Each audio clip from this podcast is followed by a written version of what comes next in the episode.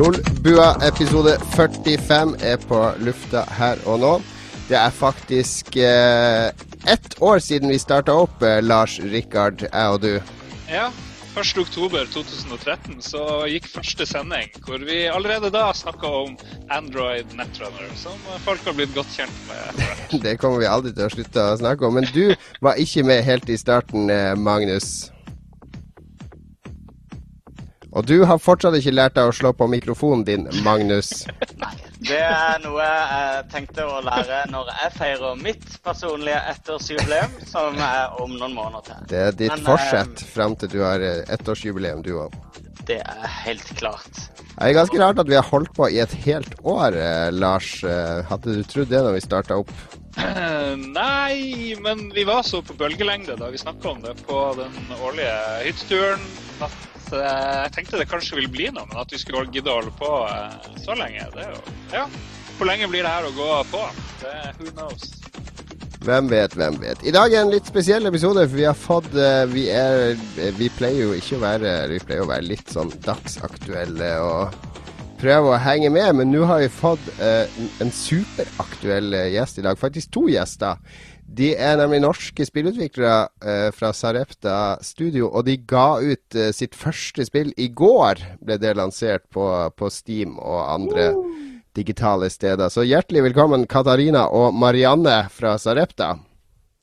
Tusen takk. Tusen takk. Dere holder til oppe i Hamar, er det så? Ja, det stemmer.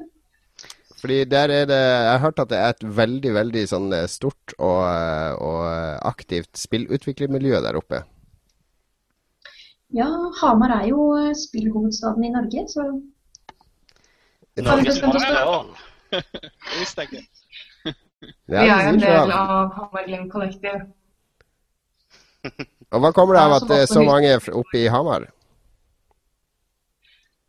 Det er nok på grunn av Altså, vi har jo en høyskole her som har holdt på i litt over ti år, eh, som utdanner innenfor spill. Så har det kommet en del instanser rundt det, som Kunnskapsparken og Innovasjon Norge har jo vært veldig støttende rundt det miljøet. Så det har bare blitt en naturlig hub her. Jeg tror det er det som er med på å gjøre at folk har lyst til å bli her, og så blir det bare bedre og bedre. Men sånn har noen av dere vært i Hamar noen gang? Nei Nei. Jeg har kjørt forbi. Jeg pleier alltid å diskutere med meg sjøl om det heter i eller på Hamar. Er ikke det en Ja, det er en viktig diskusjon. Ja. Det, Eh, den har vi daglig, så det er greit. Men det er ikke så mye å gjøre her. Så når man har mye ledig tid og ikke så mange distraksjoner, så har man da all anledning til å lage gode spill. Ikke bare snakker om det, er masse å gjøre her. Det har blitt mer å gjøre. Det er bra, det er bra. Nei, men det, Vi skal snakke litt mer om Hamar og, og Sarepta, og ikke minst spillet deres, Shadow Puppeteer, etter hvert. Eh, dere skal være med oss gjennom hele sendinga. Vi har jo et veldig sånn stramt og rigid program hver gang vi har Lolbua, er det ikke så, Lars og Magnus? det er det definitivt. Det begynner å bli litt sånn her eh, litt, litt for eh, sånn kjente program. Kanskje vi skulle støre det litt opp snart? Ja, god idé. Siden vi har ettårsjubileum i morgen, eller i dag, Ja. da, så Fra og med neste program så skal vi revolusjonere sendeplanen vår på, på et eller annet vis. Men i dag så Vi skal skal vi følge den. Skal vi synge? Ja, eh, hele neste podkast. Det blir musical. Da vet, da vet du at da kommer ikke Magnus til å bli med, det kan jeg love deg. Endelig. Uh, nei, jeg kommer nok ikke til å bli med på, på syngedelen. Det tror jeg kanskje ikke Jon Cato heller gjør. Gjør du det, eller? Jo, det jeg synger gjerne. Jeg synger for ungene hver dag, jeg. Gjør du det? Hver dag? Ja. Synger Selv om de du trygler meg om å slutte, men, uh, Jeg har hørt Jon synge karaoke. Det var helt OK, det. Det var bra. Ja, okay. Ja, riktig. Jeg syns vi bør gjøre en poll og se hvor mange, som, eh, hvor mange som stemmer på at dere skal ha en musical. Og hvis det er mange nok, så syns jeg dere skal gjøre det. Oi, oi, oi. Alle stemmer jo på det som er mest ubehagelig, fordi de stemmer på det. Det jo eh, Det ligger jo i, i formens natur. Tenk for en sånn Nei, jeg vil ikke at de skal synge. Jeg vil at de skal snakke. Ikke gjør det. Ikke gjør det. Ikke ta utfordringer. Ja, nei, men vi skal, vi, vi, skal, vi skal, holde oss til sendeplanen, og da skal vi begynne med å snakke litt om hva vi har gjort den siste uka. Og Da tenkte jeg våre to gjester kan jo begynne, for dere har jo hatt uh, sikkert en uh, rimelig hektisk uke i forhold til oss tre. Ja, det stemmer. Um, det jeg har gjort siden sist, eller det jeg har gjort i det siste, er vel uh, Jeg har spilt Shadow Puppeteer, og så har jeg spilt Shadow Puppeteer, og så har jeg jobbet litt mer med Shadow Puppeteer. Det er vel sånn cirka det dagene har bestått av. Eh, ikke så mye. Ja. Når var det helt ferdig, liksom? Når var siste hånd på verket? Nei, altså, Man må spørre seg selv er spill noen gang helt ferdige. Nei, selvfølgelig. Nei, selvfølgelig. Men før, dere, liksom, før man kunne kjøpe det i dag, egentlig? Nei, Vi ga det jo ut klokka åtte i går kveld. Uh, og vi testa Vi satte på den siste builden 45 minutter før, og så speedrunna vi som fy for å bare få sjekka at den faktisk før vi uh, ja. Man er så nervøs. Har vi oversett noen feil? Hva er det som kan dukke opp? Så det er en sånn egen form for uh, paranoia, egentlig. Men vi har vært og hørt på Ragnar Tørnquist i ettermiddag på høyskolen.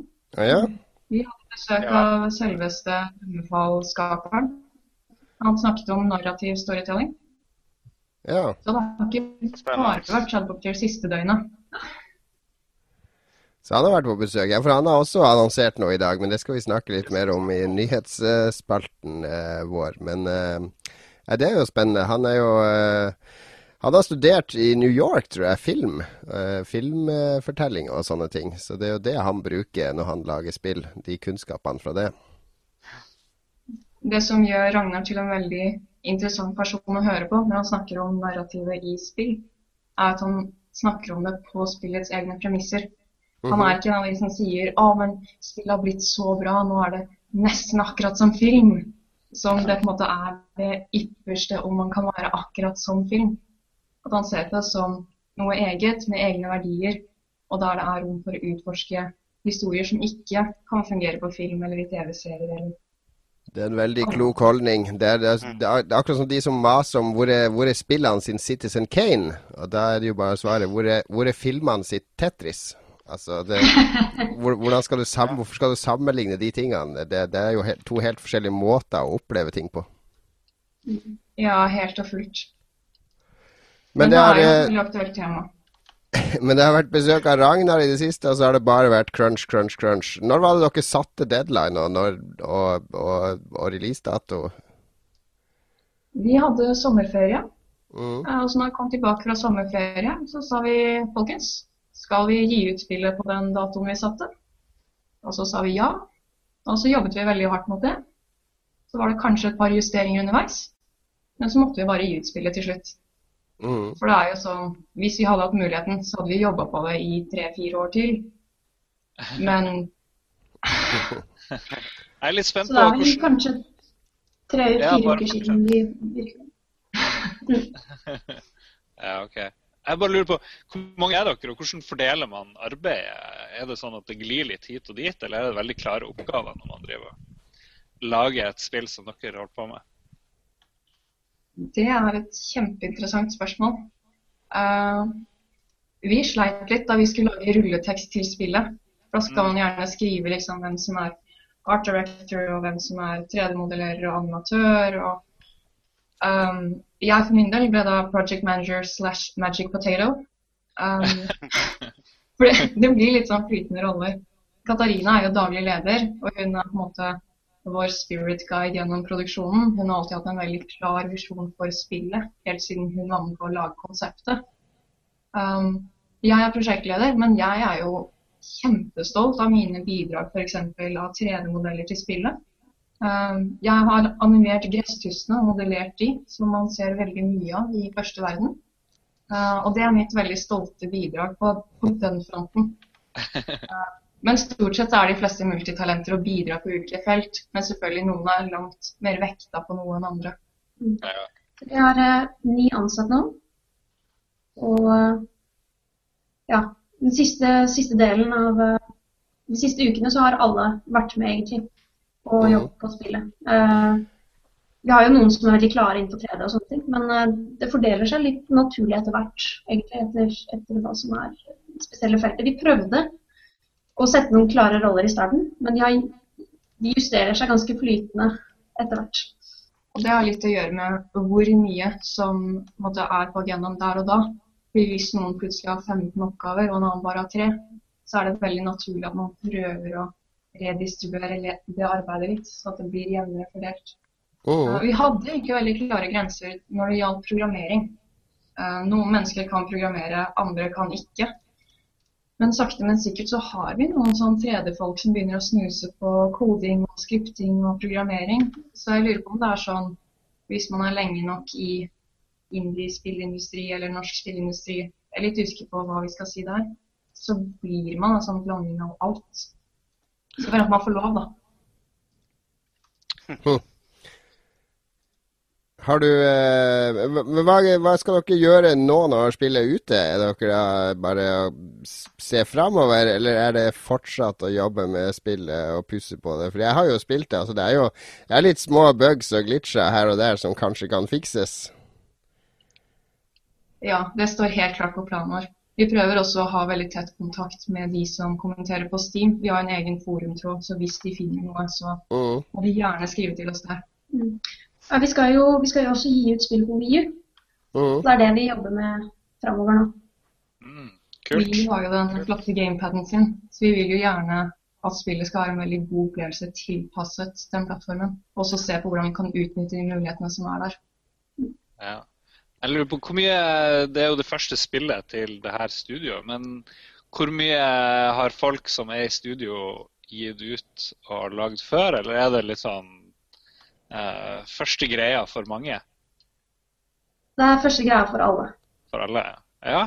Er ikke det Det høres jo helt galskap ut å gi ut et sånt som sitt første. Jeg tror galskap er et ganske godt ord for oss. Jeg tror at det, det eneste som holder en tilbake for å gjøre det man har lyst til, er jo seg selv. Så hvis man bare slutter å tenke at ja, men det kan jeg ikke gjøre, så, bare- så bare gjør man det. Og så kan man tenke etterpå om det var mulig eller ikke. Og som regel er det mulig. Um, vi har jo laget noen mindre spill, men det er i forbindelse med konsulentoppdrag. Og da er det mer type læringsspill og langt mindre opplevelser. Mm. Så det å gi ut et underholdningsspill på Steam, det har jo vært helt, helt enormt. Men det blir litt sånn Jeg husker Katarina kom med ideen la oss stifte selskap og skal vi lage spill og gi det ut. Uh, det var kanskje en liten del av meg som ikke helt trodde at det gikk an. Men det blir sånn Man må jo bare prøve. Det er bra at det går an. Men jeg, jeg har vært på hjemmesida deres og sett, og det er, der er det sånn 3D-modellering og andre ting dere tilbyr. Altså, ser dere på dere sjøl som en spillutvikler først og fremst, eller er det spillutviklinga noe dere gjør ved siden av, av det bedriften ellers holder på med? Jeg vil si at spillutviklingen er den som er størst nå. Når vi starta opp, så var det kanskje 50-50, egentlig. Vi starta Ja. jo 15 stykker sammen. Um, men nå har det gått mer og mer over i spillet, egentlig. Men så er det viktig for oss, altså, i forhold til kommunikasjonen ut mot kundene, så fant vi ut at hvis vi hadde med spill på nettsida vår, så ble de forvirra og redde. Så det er derfor vi Ja, for det står ingenting om spill på hjemmesida, nemlig, så jeg trodde jeg hadde kommet til feil bedrift når jeg kom dit. Ja. Nei, men eh, så, så planen er egentlig at når Shadowpopter nå, nå er ute, og vi etter hvert også skal begynne å jobbe med andre prosjekt, så kommer vi til å justere siden sånn at den er tilpassa. Da blir det Shadowpopter uh, Game og Shadowpopter Consulting. Sarepta. Nei, Sarepta. Sarepta Game og Sarepta Consulting. Ja, sånn at uh, når vi får flere spill, så blir det jo viktigere å samle dem. Klart, klart, klart. Yes, Vi skal snakke litt mer om Shadow Puppeteer eh, etterpå. Jeg skal ikke få lov å fortelle litt mer om inspirasjonen til spillet og sånn, for det har en ganske kul sånn visuell stil og, og eventyrverden. Og spillfigurer og sånne ting. Men før det så må vi bli ferdig med denne fine, fine spalten vår. Og, og når vi prater om hva vi tre har gjort i det siste, så pleier alltid Magnus å si 'Jeg har ikke gjort noe, jeg har vært på skolen', og sånne ting. Men nå har han faktisk gjort noe. Jeg har gjort noe. Eh, Jeg syns ikke det er så spesielt, egentlig. Jeg, jeg, jeg føler jeg har et uh, rikt og mangfoldig liv, og jeg skjønner ikke hva dere to snakker om. Du har et rikt og mangfoldig liv som du ikke ønsker å dele med oss. Ja, det er jo det. Det, det, det, det som er greia. Det er jo dødsmye rare ting. Nei da. I helga så, Men jeg skal ikke skryte på meg noe geografisk eh, forflytning akkurat i helga. Selv om det er ganske annerledes enn hverdagen min. Eh, naboen min er en eh, kirkegård, og rett ved siden av kirkegården er det en skatepark som ligger i gamlebyen i Oslo. Eh, en veldig fet bydel i Oslo, om jeg skal si det sjøl. Der har de arrangert punkfestival i to dager i, eh, i helga. Det er en hel haug med klassiske eh, britiske hardcore punkband som har stilt opp. Eh, band som typisk har vært forgjengere for det vi kjenner til av klassiske punkband i dag. Og eh, til og med sånn som et band som heter Discharge spilte første kvelden. Uh, inspirasjonskilde for band som Metallica og Antrax. og Jaha. en del av disse her. Og der har du vært i helga, nede i skateparken?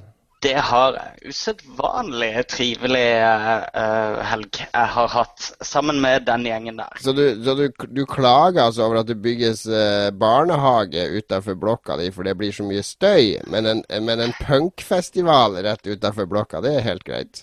Uh, som jeg presiserte, så er det en kirkegård mellom meg og skateparken okay, med okay. punkfestival i. Så akkurat der, så akkurat de døde pleier ikke å plage så veldig mye på natta. Overraskende. Nei, det, uh, ja, Men var det bra festival, da? Du er jo en gammel sånn hardcore uh, punker. Ja, men jeg, egentlig så er jeg mest på den amerikanske punken. Så for meg så var det veldig mye nye, nye musikkopplevelser, selv om uh, Det Var det mye sånn oi? Oi-band? Det var et par av de. Siste ja. bandet, som, uh, de som avslutta uh, Cockney Rejects, det er et av de der virkelig klassiske Oi-bandene. Og vokalisten der er, er gammel bokser. Så han, kommer, han bokser ennå, da. Så han kom ut på scenen, og så drev han og varma opp og tøya ut og alt sånt der før konserten. Og han seriøst, hele konserten, han løp rundt på scenen hoppa over ned og drev skyggebokser når han ikke sang. Det var helt ekstremt å se på. Men aldri, det var sånn Henry Rollins uh, uh, energinivå på han vokalisten. Ikke så veldig fett musikalsk, men det var gøy å se noen slite seg ut. Uh, er det ikke det som er punk, egentlig? Uh, ikke egentlig, for det, det, var en del av de bandene hvor, uh, hvor det var kanskje litt mer sånn utprega punkere som sto for uh, musikken. Og de er jo som kjent ikke store mosjonister, først og fremst. Men, Nei, men Så gøy at du har opplevd noe, noe, ordentlig morsomt å dele med oss, eh, Magnus. Ja, men eh, de arrangerer en hel haug med konserter i, under denne broa i skateparken. Så jeg har faktisk vært veldig mye der nede. Ja, jeg var jo der med, med, med, deg på Trash Talk i sin tid, husker du det? Ja, det, riktig. Det var var fet konsert. Ja, det var en veldig fet konsert. Da sto, uh, fikk jeg håret til han vokalisten i fjeset flere ganger, selv om jeg prøvde å gjemme meg bort i bakerste hjørne av frykt for å bli bli dratt inn i morsbiten? Ja, det, var, det, gikk hardt for seg. Vi så det i hvert fall to ganger, den eh, festivalen, gjorde vi ikke det? Vi gjorde det. Det må jeg huske. Veldig kult uh, New York hardcore-band. Jeg drev og hørte på punk da jeg var sånn her ti år, for da fikk jeg plutselig masse Sex Pistols-LP-er i tillegg til sånn her Metallica og ditt og datt. Jeg vet ikke helt hvorfor, men det var vel fordi kompisene mine hørte på det. Men det var jo piggtrådmusikk alt sammen, ifølge foreldrene dine, så det, det, var jo ikke noe forskjell på Sex Pistols og Metallica. Nei, men det var jo veldig gøy. Men etter det så har jeg liksom ikke vært noen sånn stor uh, punkedude. Så jeg vet ikke, er det, noe, er det noe vits å gå tilbake? Har du noe, har du noe sånn gjør seg ikke live, men som man kan høre på? Uh, er det noe nytt? Fins det noe nytt bra punkers? Uh, sånn ordentlig punk, da, ikke sånn tullepunk? Jeg følger ikke så mye med på, på punken lenger. De bandene jeg drar og ser, det er stort sett band som har holdt på siden jeg var mye mye yngre. um, men det er et band som merkelig nok turnerer ennå, som heter No Means No. Som har veldig mye fete plater. Som er, de er, det er en slags blanding av jazz og punk, vil jeg vel kanskje si. Uh, veldig morsomme tre uh, nå hvithåra menn. Uh, som slår ganske hardt fra seg og er ekstremt humoristiske. Så det er verdt å sjekke. De har sett tre ganger her i Oslo. I hvert fall. Er det noen noe spesiell musikk man hører på når når man utvikler spill eh, i Hamar? Det lurer jeg på. Er det noe som er inn, eh, inn der? Eller sitter man i stillhet og gruer seg for uh, eh, anmeldelsene? Mm. Jeg tror vi har ganske ulik musikksmak. Um, Ja. Men det er alltid et element av humor. Så F.eks. familiemedlemmer som sender linker til musikkvideoer under pressure, er alltid sånn motiverende. Eh, Ellers har man også endt opp med å gå rundt og nynne veldig mye på musikken til Sherapopter. ja. Ja, når vi har test sessions, så blir det at vi setter opp, eh, og da på fellesområdet også. Så dessverre har eh, mange på kontoret blitt utsatt for eh, kjenningsmelodien, så stadig driver de og plystrer den eller nynner den eller Hvem, hvem er det som har laga musikken i spillet? Er den laga internt, eller er det ekstern musiker? Det er Ragnhild Tronsmo Haugland. Uh, hun har vi kommet i kontakt med gjennom Norsk kreativ fagskole. Ja. Um, så hun er egentlig en sånn klassisk cellist og komponist. Men så var det at vi kom i kontakt med henne fordi vi trengte en komponist. Og hun var helt fantastisk. Hun har ikke laget musikk til spill før. Så vi har hatt en sånn prosess der vi har blitt kjent med hverandre, testa ut hva som funker og ikke funker. Uh, og så har vi vel hatt en intensjon om å ikke prøve å lage det alle andre har. Ja, så dere sendte ikke noe musikk til henne, liksom? Hør på eh, Mario der og Selda der, liksom? Eller? Vi har gjort det lite grann. Når det kommer til boss-musikken, så har hun sendt veldig mye som jeg bare er sånn Hæ, nei. Uh, her, hør, hør, på, hør på litt Selda-musikk, du. Det, Ja. ja. Ja, ja, ja. Men vi har jo også Jeg møtte jo under Game Developers Conference i San Francisco, så møtte jeg også Peter McConnell, som har lagd musikken til Monkey Island og Oh. Psychonauts og sånne ting. Så han har også vært med vært en sånn eh, guide, da. Oh, Så det har vært veldig nyttig også. kult. Så han, han har konsultert dere i, uh, på musikken i spillet deres, er det det du sier? Ja, så ja. Guru. Ja. Så da har jeg hatt Skype-møter med han i, på vestkysten i California, og så Ragnhild i Oslo, og så oss her på Hamar. Og så har vi hørt på musikk og diskutert hva som funker og ikke funker. Uh, vi har en veldig ulik bakgrunn, og og vi har ganske ulik smak. Så når man får mennesker som er ikke musikalske i hele tatt, og så hele veien til spekteret med de som er ja, supermusikalske og profesjonelle i mange år, så blir det veldig mye sånne spennende diskusjoner da, med preferanser og hva som blir riktig og ikke riktig. Ja. Men i så kan det egentlig være alt fra er det trans til heavy rock til Har det Klas hører på? Det er sånn der Åh. rar svensk politisk fyr som synger det, er- ja. Så opp hele spekteret. ja, personlig favoritt for meg blir Daft Punk, egentlig. Ja. Eh, helst Kan ikke gå feil. Det er sånn hvis jeg skriver e-poster, så begynner jeg å skrive det og meningsløst. Bra, bra. Nei, det er, eh, dere skulle ha vært med i Lolbua i våres, fordi da, da hadde jo meg og Lars en uh, musikkonkurranse der vi skulle, i hvert program så skulle vi lage musikk til en dataspillsjanger. Og det var ganske vanskelig, Lars. Ja, det var helt grusomt. Det var helt grusomt. Så eh, ja, jeg gleder meg til neste runde likevel. Hvis det blir Ja neste vi må nok vekke den i livet igjen. Eh, siden sist så har jeg skrevet Vet dere at Dungeons and Dragons fyller 40 år i år?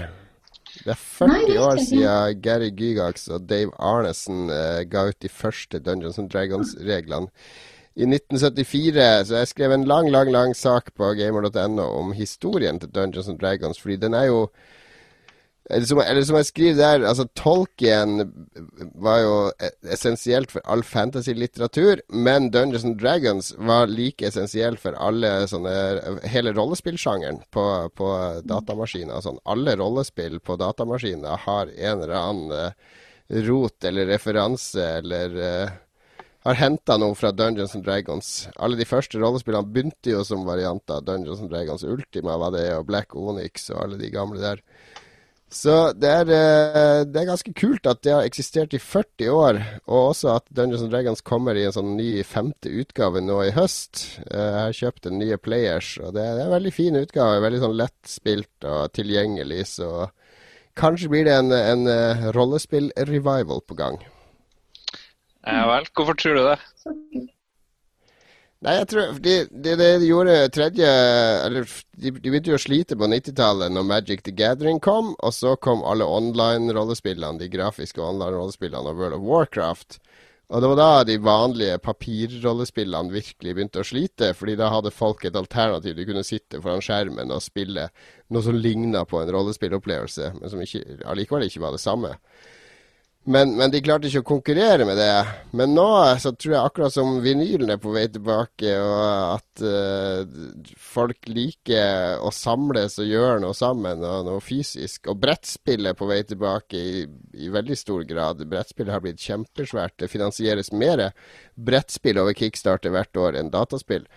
Så, så jeg, jeg, tror at Dungeons and Dragons og sånn historiefortelling sammen også kommer til å få en liten sånn boost opp. Altså folk, eh, folk blir så metta på digitale ting. Du har digitale ting på mobil og nettbrett og PC. og Sitter foran en skjerm det meste av dagen, så, så det er litt deilig å, å, sitte foran mennesker igjen. Ja. Det er min teori, da. Blir det, blir det ADHD på hytteturen i uh... Det blir det. Vi skal på hytta nå i november. Det blir det og det. Femte edition skal vi prøvespille der. OK. Bra, bra, bra. Du kan um, glede deg. Og Hva har skjedd i Harstad siden sist, da, Lars? Eh, kort fortalt, det er drama på jobben. Det blir litt sånn fluenes herre der. Alle mot alle. De som ikke vet det, vi driver og skjærer ned. De driver og kutter masse folk. Så det har vært litt sånn skuling og sånt, men nå har de klart å Eller ikke de, jeg må være forsiktig med det jeg sier. Har, mange har slutta frivillig, uh, og det er jo trist. I dag var det to som slutta. Uh, hadde sin siste dag, noen jeg ikke visste om og sånt. Og det er jo helt vilt. Du sitter jo bare og ser ut i lufta egentlig når folk driver og må gå i øst og vest. På arbeidsplassen så får man ikke konsentrert seg så mye og gjort så veldig mye fornuftig. Uh, min egen jobb Jeg tror kanskje jeg beholder jobben min. Jeg vet ikke helt sikkert, men det ser litt sånn ut. Det har slutta veldig veldig mange folk i det siste. Noen utrolig dramatiske uh, måter, exiter og sånne ting. Så det har vært litt sånn The Office egentlig på jobb uh, i det siste på noen måter. Men nok om det. ellers har jeg sett middels gode filmer fra 90-tallet. Altså Airheads var den siste jeg så med Chris Farley og utrolig mye. Han der Kramer-duden, han uh, whatever. Og mye sånne rare folk. Brendan Frazier og uh, Adam Sandler og mye sånne unge utgaver. Steve Buscemi er ikke han med i den? Steve Buscemi er med som i komi, sånn straight komirolle. Så det var, det var veldig mye morsomt der, da. Så du har avansert fra 80-tallet til 90-tallet nå med filmer? ja, ja, så jeg har også gått Jeg så uh, Ghostbusters og Crocodile Dundee. Og ja, det er Jeg får deg til å se Crocodile Dundee en gang til. altså, så jeg på kino da jeg var tolv år. Jeg, jeg, jeg, husker jo alt fra den filmen. Jeg har null behov for å se noe mer komplekse variasjoner av den filmen. Det var morsomt å se den på nytt. Det var litt morsomt. Uh, du må se toeren nå, da. Ja, jeg må sikkert gjøre det. Vi gidder ikke å se ferdig hele greia. Nei, nettopp. Det er morsomt å sample litt de her filmene. Det er litt gøy. Det er Nostalgi. Det er jo, jeg er jo glad i litt nostalgi. Nostalgi er viktig. Ja. Og det, det, var det vi hadde gjort siden sist. Skal vi slå en strek der og så gå litt tilbake til, eh, til spillet eh, til våre gjester? Shadow Puppeteer. Det er eh, Jeg har spilt det med sønnen min i dag. Eh, det er, hvis jeg skal beskrive det, får vi se om dere er enige. Det er litt sånn mørkt og gotisk. Litt sånn der uh, Tim, Tim, Burton, er det han heter? Ja. Han, uh, litt sånn Tim Burton-esk uh, i det visuelle og stemninga og sånn. Essensielt med samarbeid. fysikkbasert og stemningsfullt. Var det, var det presist? Eller har jeg bomma helt? Det var veldig. Ja. Men jeg må spørre, hvor gammel er sønnen din? Han er 13. Ja, men da er han gammel nok til å spille. Da er det greit. Ja, han er level 24 i Destiny, så, så han er gammel nok til Shadow. Han klarer det. Ja, nei, du nevner veldig mange nøkkelord som vi også har hatt uh, i hodet og snakket om når vi har utviklet. Um, så, så, hva var den opprinnelige tanken når dere skulle lage Shadow Puppeteer? For det handler om en, en gutt og skyggen hans som blir atskilt. Og så må man da fortrinnsvis, hvis man er to spillere, da, så skal én styre skyggen og den andre styre gutten. Og så blir det mye manipulering med lyskilder og, og at man må hjelpe hverandre. Uh, hva, hva, hva, var, det, var, det, som var grunntanken når dere starta? Har dere holdt dere helt tro mot den opprinnelige visjonen, eller har det utvikla seg i en retning av seg sjøl? Uh, jeg vil si at grunntanken er der fremdeles. Uh, dette med at du skal ha en gutt og skyggen hans og prøve å se hva man kan gjøre med lys og skygger der. Uh, men helt opprinnelig så var det mye mer fokus på um, Nesten alt i hele spillet handla bare om skygger. Um, og det var uh, mye, altså mye større 3D-fokus. Du hadde kameraer som bevegde seg i alle retninger. men vi har vel faktisk iterert spillet tre forskjellige ganger nå tror jeg. Mm. Uh, Kasta ufattelig mange brett. Men det har vært at vi har tatt med på conventions og sånne type ting og sett at OK, den formen her funker ikke. La oss prøve på nytt. Ja. Uh, vi starta jo også faktisk med å skulle lage en egen editor i XNA. Uh, eh, så det var jo kjempevakkert. det var vel bare for ett og et halvt år siden at vi bytta over til Unity. Det er litt over to år siden, tror jeg. Å ja, to år siden, ja. ja. Vi er veldig fornøyd med Unity jeg tror første concept-arten jeg så, så var det veldig eh, London, industriell revolusjon eh, mm -hmm. veldig, veldig tydelig inspirasjon fra det. Og alt foregikk i en by, eller inne i fabrikkområder. Eh, jeg kom om bord på teamet etter ca. ett år. Eh, da fikk jeg spørsmål om jeg ville være med å lede prosjektet, som jeg veldig gjerne ville. Uh, og jeg tar på meg mye av skylda for at det som var en, måte, en veldig lukka opplevelse på ett hovedområde, ble til en sånn lang reise der du starter ute på en øy og gjennom noen huler og innom en fiskelandsby. og som akkurat den fiskelandsbyen, der skylder, der skylder jeg på art director. Um, han er nordlending, så altså, Alle spill med fiskelandsby de får et terningkast ekstra i Lolbua pga. vårt nordnorske opphav. Så det så bra. Ja, jeg fikk en egen achievement. Jeg fikk lov til å navngi uh, en av de norske achievementene etter et trøndersk ord jeg er veldig fan av. Uh, for jeg er fra Trondheim, og det er da passarygg. Passarygg? Hva betyr det? passarygg er det å sitte på ryggen til noen. Uh, når jeg vokste opp, så var det da passarygg. Hmm. Da vet vi det. Hadde vi fulgt det opprinnelige konseptet, så hadde det vært mye mer passos. Uh, men det hadde også vært ganske forvirrende, sånn som det var satt opp. Så det har blitt gjort mer tilgjengelig egentlig for folk, vil jeg påstå. Hva slags inspirasjonskilde hadde dere når dere starta med det? Eh, jeg, nevnte jo, jeg tenker på Tim Burton når jeg ser de cutscenene, og kanskje det er Coraline, den filmen, og litt sånne ting. Er det, er det så konkrete inspirasjonskilder dere drar uh, ting ut av, eller prøver dere å finne på i et vakuum? Man kan jo ikke bare komme med inspirasjon fra himmelen. Altså, hvis noen sier bare at 'nei, jeg fikk en idé, og den var helt original', så ljuger de. Eller så er de idioter. Ja, jeg tror um, For helt opprinnelig så var det egentlig en, en, en, noe vi gjorde på skolen. Vi var fire stykker som ble uh, mast på av læreren at vi skulle være med på en konkurranse som het Dare to be digital. Uh -huh. Så tenkte jeg ja, søren er greit, vi får bare lage et eller annet. Da. Vi hadde en uke på oss eller noe. Og så var det, Vi visste ikke det her, men en av eh, medlemmene på teamet hadde nettopp blitt inspirert, eller sett et spill som heter A Shadow's Tale. Så han begynte å nevne noe med bruk av skygger. Uh, så tok vi hans idé og bare spilte det videre. Og tenkte at ja, Coop-spill du bruker skyggen din, det, det hadde vært kult. Litt sånn Peter Pan. Um, og i forhold til stilen, jeg vet ikke hvorfor, men vi bare Han, han er en i gruppa som også ble med videre i bedriften. Han uh, lagde jo noe konseptkunst. Uh, så jeg vet ikke helt hvor han tok den inspirasjonen fra. Men det var ganske annerledes enn det det var nå. Men vi fikk ut, ut av det så fikk vi uh, en sånn tagline som jeg har banka inn hodet på alle etter, etter det, egentlig. Og det er at spillet skulle være uh, gloomy, slightly cartoony with a twist of weird. Um, twist of var, weird? Var, twist of weird. Ja. Hvordan funka det? Nei, eh, det, var, Er- er blir det litt det- mer tilbakelagt, da. Med litt Ja. snurkler og snurkler og ting som ikke helt er som det skal være. Nettopp.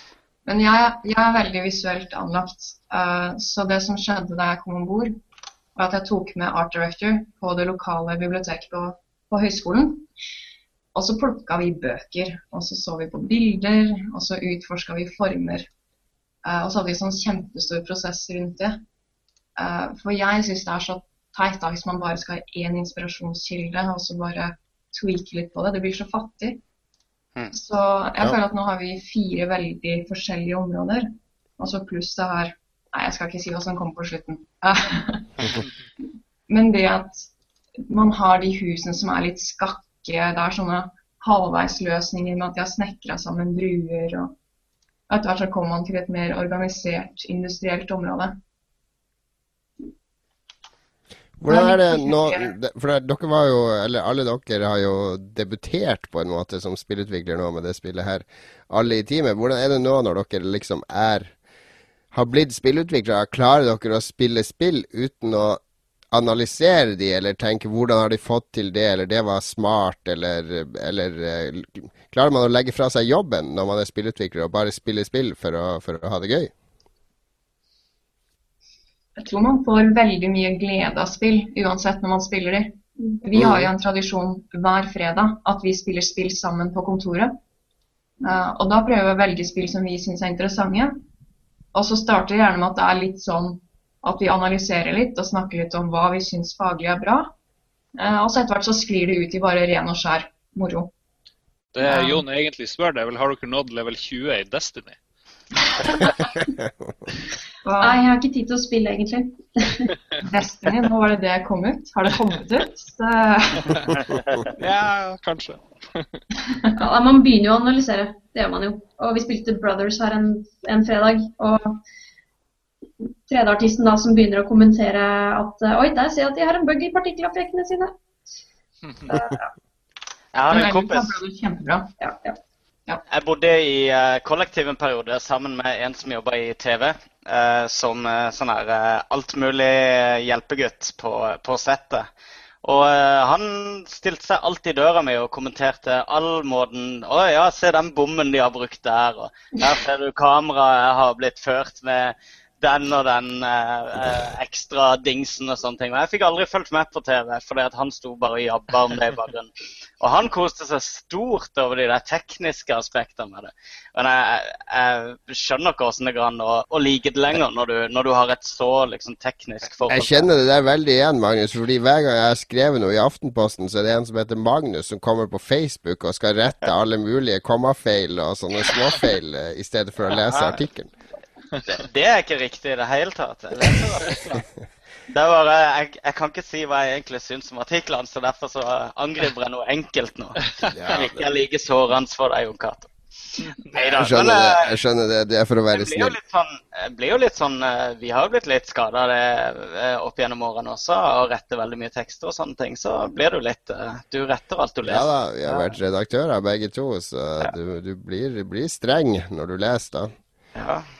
Men hvordan ser framtida ut nå? Er dere helt avhengig av at uh, Shadow Puppeteer selger en halv million eksemplarer for å overleve, eller har, har dere konkrete uh, midler og planer for videre drift og fremtidige spillprosjekter? Vi har noen andre ting som vi driver og jobber med i forhold til uh, consulting-delen av bedriften. Men uh, nå har vi jo putta så mye dedikert kraft inn i spillet, spesielt den siste tiden, at det blir viktig at vi får solgt noen kopier. Men en halv million, det er jo ikke Det er ikke, Det er det er ikke der det ligger, i hvert fall. Men det, man må jo sikte høyt. Det er ikke ja, vits å sikte lavt. Men det viktigste for oss er jo at folk faktisk liker spillet, og at det er at, at det er noen som ja, altså Når vi ser at det er noen som begynner å skrive reviews, at de virkelig, virkelig har nytt spillet, så er jo, Ja. da føles det ut som OK, det er derfor vi gjør det her. Mm. Så klart, vi trenger noen penger for å kunne jobbe videre, men mm, ja, det er utviklingen som er det viktigste.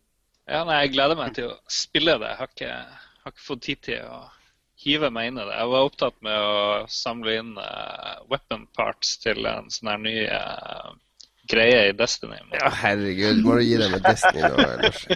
Ja, men det er helt i orden. Vi skal ikke spoile slutten på spillet. Nei, det må dere ikke gjøre. Det må dere absolutt ikke gjøre. Du, kan jeg spørre ja, eh. Ja, akkurat. Ja. eh, Men dere skal gi ut spillet på, på uh, Wii U, ikke sant? Ja. Eh, før i tida så var det å få gitt ut noe som helst på en Nintendo-plattform var eh, så å si umulig for en eh, norsk utvikler. Hvordan eh, var det nå? Å eh, få lov til, eller hvordan fikk dere til å få utvikle for Nintendo? Er det like vanskelig ennå?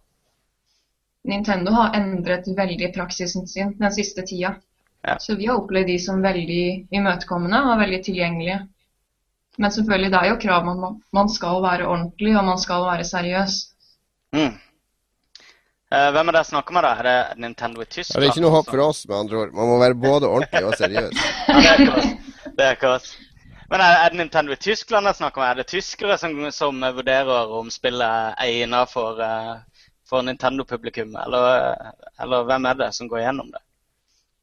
Eh, jeg har kontakt med Nintendo. Jeg har snakket med litt forskjellige instanser. Ja. Eh, de er veldig liberale og veldig åpne for ulike typer innhold og ulike opplevelser nå. Men de blir jo ikke vår dedikerte publisher, så da har de helt andre krav enn hvis de på en måte skulle stempla det med Nintendo. Ja, riktig. Riktig. Det er jo en veldig kamp også nå mellom Sony og Microsoft og Nintendo om å få nettopp indie-spill på, på sine plattformer. Så de har jo gjort det, eller tilrettelagt det ganske bra for at flest mulig skal komme på. Men, men fordelen med Nintendo, som jeg har skjønt i hvert fall, er at spill har, eh, når de først kommer ut der, så kan de ha ganske lang levetid sånn på salgslisten. Altså hvis du gir ut på PSN eller Xbox eller PC, så har du noen uker på deg der, eh, der spillet får fokus, og så bare dabber det fullstendig av. Mens på Nintendo så kan ting selge jevnt i månedsvis. Ja, men er ikke det relatert til mengden titler som er tilgjengelige? For det er jo så mange som ikke vil utvikle til Wii U, sånn jeg har forstått det. At de ikke tør å satse på den plattformen.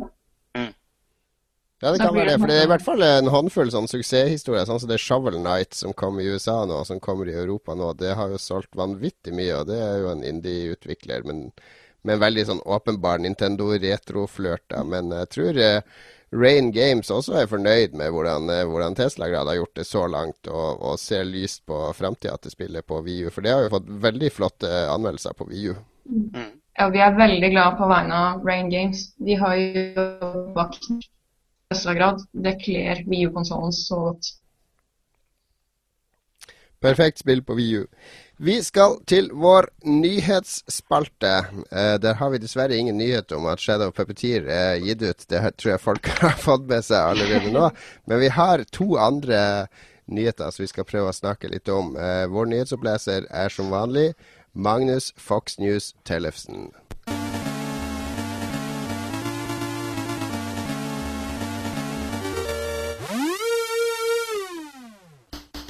Den lengste ventetida er over. Ragnar Tørnquist og resten av Red Thread Games er omsider klar med sin første episode av det etterlengtede oppfølgeren til Drømmefall. Lanseringsdato er satt til 21.10 i år. Spillet plukker opp den røde tråden, get it, fra 2006. Og siden den ene hovedpersonen starter i kasjotten og den andre i koma, satser vi på at media kaster rundt seg med adjektiver som fengslende eller hjernedødt. Det er ikke lenge til. Det er tre uker til. Det er kun tre uker. Det var en veldig uh, uh, close annonsering, syns jeg. Uh, pleier å ha lanseringsdato i god tid, så folk kan forhåndsbestille osv. Ja, dere i Hamar som nettopp har vært, vært gjennom crunch time, misunner dere de som sitter her nede i Oslo nå for fordi de skal gjennom de neste tre ukene? Tror at eh, det er litt andre forventninger der ute til Drømmefall-kapitler enn til Shadow Puppeteer. Men jeg tror vi kjenner på mange av de samme følelsene. Det, det å gi ut spill er det å gi ut spill. Men nå har jo Ragnar Tørnquist erfaring fra før av med hvordan det er å gi ut spill. Jeg tror han opplever det sånn sett litt annerledes, med litt mer erfarne følelser.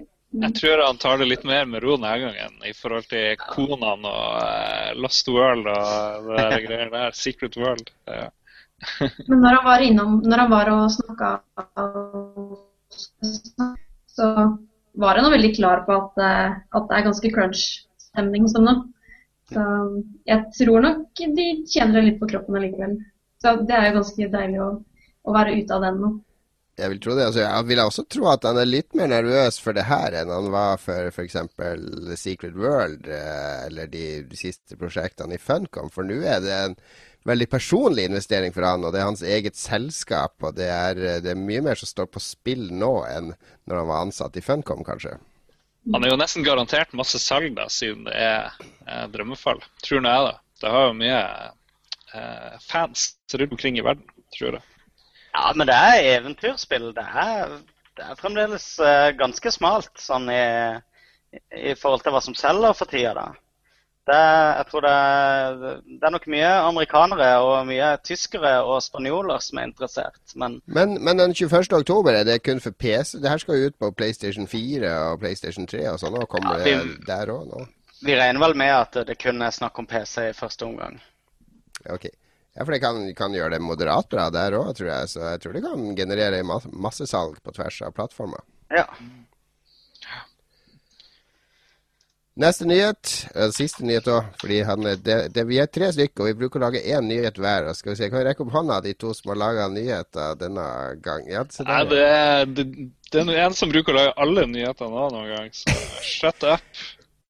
Go. Det er han som også Nye Windows annonsert. Microsoft annonserte i kveld nyeste versjon av Windows, nemlig Windows 10. Ikke 9, men 10. Vi hopper over ulykkestallet 9 og går rett på 10. Internett klør seg i hodet. Hva er greia med å lage Windows 10 etter Windows 8? Eh, jeg vet ikke. Jeg aner ikke. Jeg det henger jo ikke Jeg tror det er fordi at de er så flau over Windows alle, alle, bortsett fra Magnus Tellefsen hater Windows 8. De er så flau over Windows 8 at Windows 9 det blir for nært opp til Windows 8, så de bare gikk de rett på 10. Ja, de skal distansere seg. Uh, garantert. Uh, ja. Uh, det er, det er, det, men det er jo ikke noe system i Windows, da. For det begynte jo med Windows 1, 2 og 3. Altså 3.11, og så kom vel 95. Og ja. så var det 98, og så var det, kom det noe XB og Vista. Ja. Millennium. Og så, og så, kom syveren, da. Så det, det har jo, det jo hoppa vilt mellom forskjellige navn, da. Ja.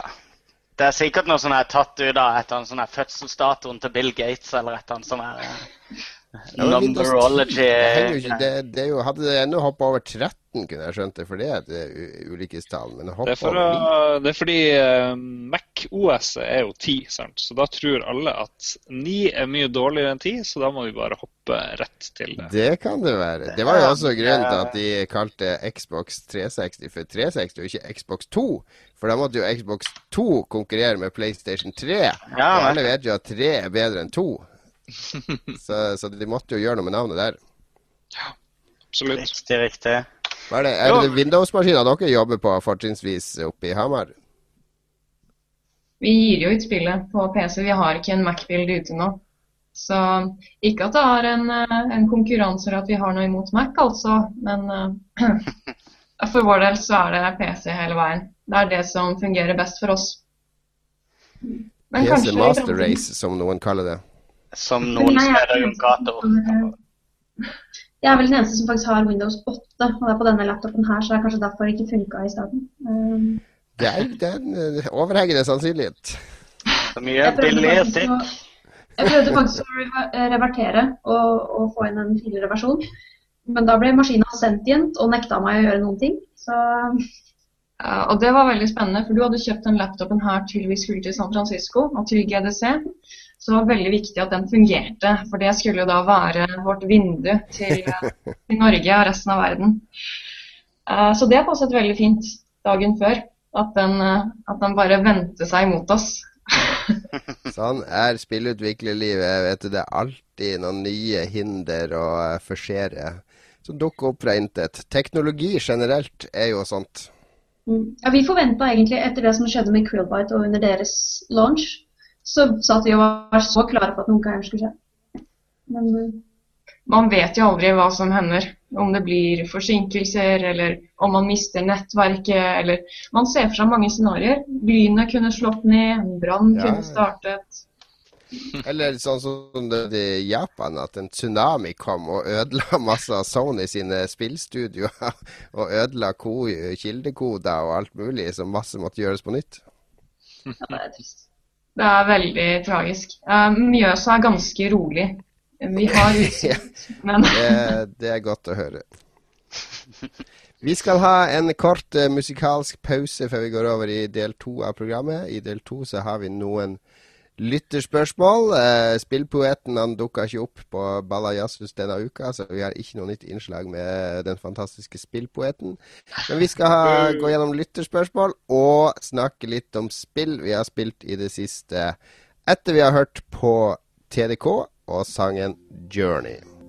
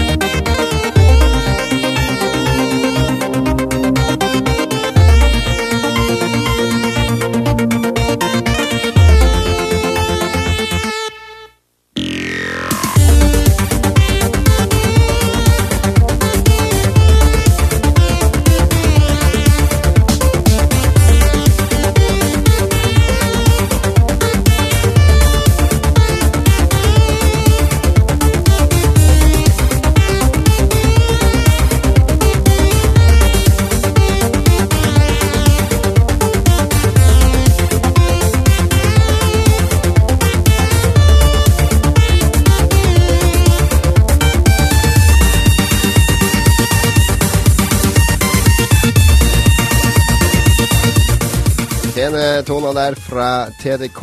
Den er fra en eh, CD som vi har spilt ganske mye musikk fra, som uh, heter Chip Music er lik vind nummer tre, med over 50 strålende låter. Fra ulike spillmusikere og chipmusikere. Det kom inn en nyhet sånn helt på tampen her, så jeg, som vi egentlig burde snakke litt om, nemlig at nå i dag, eller i morgen faktisk, så går Steam over til å ha norsk valuta i stedet for euro. Hm. Det er det mange som har vært redd for, at nå blir det bare dollarpris ganger 10, eller europris ganger 10. Altså 499 for et spill som koster 49 euro. Og det er jo Er det Det blir vel kanskje det, eller hva? Eh, det blir nok tigangen på euroen, ja. Det er det nok ikke noe tvil om. Man finner vel en måte å lure det der greia på, tror du ikke det? Det må jo være pri én. Vi klarer det jo på mange andre systemer, så vi skal vel klare det der òg. Ja, det er vel bare ett system vi klarer å lure på akkurat det, er det ikke det? Ja, altså Akkurat nå så er det bare på Xbox at vi klarer å lure. Men uh, Eller kan late som du er amerikaner. Men det er jo ikke Det er jo det spillene koster i butikkene. Hvorfor skal det Er det ikke er det ikke greit at de bare setter norske priser, at vi forholder oss til det? Det er jo ikke sånn at de blir ti ganger dyrere plutselig. Hvis man kan få det billigere, så prøver man å få det billigere. Sånn, eh, sånn er det. Du vet at spill koster 100 kroner mer i Sverige fordi den svenske krona er så lav? 699 er startprisen på sånn eh, konsollspill der. Ja. ja. Det bryr jeg meg ikke om. Har dere tatt krona med i beregninga nå når dere er på Steam eh, oppe i Hamar? Nei. Vi, eh, det her er nyheter for meg. Jeg visste ikke at det var kommet med norsk valuta. Jeg hadde hørt rykte om at ja, Det kom en uh, mail fra Steam i kveld om at uh, norsk valuta nå innføres. Nei, vi, har, uh, vi benytter oss av deres standard valutakonvertering. Så vi har på en måte veldig klare tanker om hva vi foretrekker i euro eller dollar. Og så ser vi hva de velger å oversette det til. Eh, jeg liker veldig godt å handle på nettbutikker med enten euro eller dollar. For da kan man bruke det som en unnskyldning til å handle mer. For da sjekker man alltid valutakursen og ser man om den er bare på 5 jeg, også, jeg, liker veldig godt å handle med dollar, fordi jeg tenker at det, der, det her ser jo ut som lekepenger. Det her er ikke ekte penger. Så jeg bare jeg kan kaste om meg med de her dollarsedlene, eh, fordi det føles ikke som at jeg faktisk bruker penger. Det er litt farlig, egentlig. Det er det. det. Men hvis det nå blir norske kroner, så er det jo mange som opplever at det blir et ekstra siffer. Og da kanskje de kvier seg mer for å kjøpe. Og spesielt hvis det faktisk blir dyr. Mm. Jeg er ikke helt for akkurat det. Mm. Det er ingen som er for at ting skal bli dyrere, men, men, noen ganger så må vi vel kanskje bare si at OK, vi, vi skjønner hvorfor det skjer, og, og OK, legetida er over. Nå får vi betale det det er verdt. Men som spillutvikler så kan man jo si at det er veldig sjeldent at man tjener rått med penger på å gi ut spill. Så hvis det her betyr at vi får noen ekstra kroner uh, Beklager å si det, jeg blir ikke så veldig lei meg hvis jeg får ikke to eller tre ekstra kroner per solgte spill. Uh, det er veldig hyggelig å ha nok penger til mat. Det, Var det litt negativt? Det kan jeg skrive under på. Nei, det høres riktig ut. Det høres riktig ut. Right, right. Vi lar Steam uh, ligge. Vi er spent på å se hva som skjer med prisene på Steam. Uh, send oss gjerne dine reaksjoner på, på uh, denne nye valutaen Eller ikke ny valuta, men denne innføringa av norsk valuta på Steam. Så skal vi diskutere det mer i fremtidige sendinger. Vi skal over til vår lytterspørsmålspalte. Der har vi vår egen Bill O'Reilly, aka Lars Olsen, som, eh, som, tar for seg alle lytterne. Hva har vi fått inn i dag, eh, Lars? over til uh, Oslo. Ja, nei, vi, vi har jo sagt at vi har spillutviklere på besøk. Så jeg har fått noen eh, spørsmål til dem. Og så har jeg spurt folk om de kunne tenke seg å utvikle spill sjøl. Så vi har litt sånn forskjellige, pluss noe helt random. Uh, Petter Høyer uh, sier det bra vi får flere kvinner inn og lage spill, sier han. Vet Sarepta når det kommer mer? Folk vil allerede ha mer. Det er jo et godt tegn. Mer kvinner eller mer spill? ja, der er det usikkert. Mer spill. Åh, øh, nei, det blir vanskelig å si.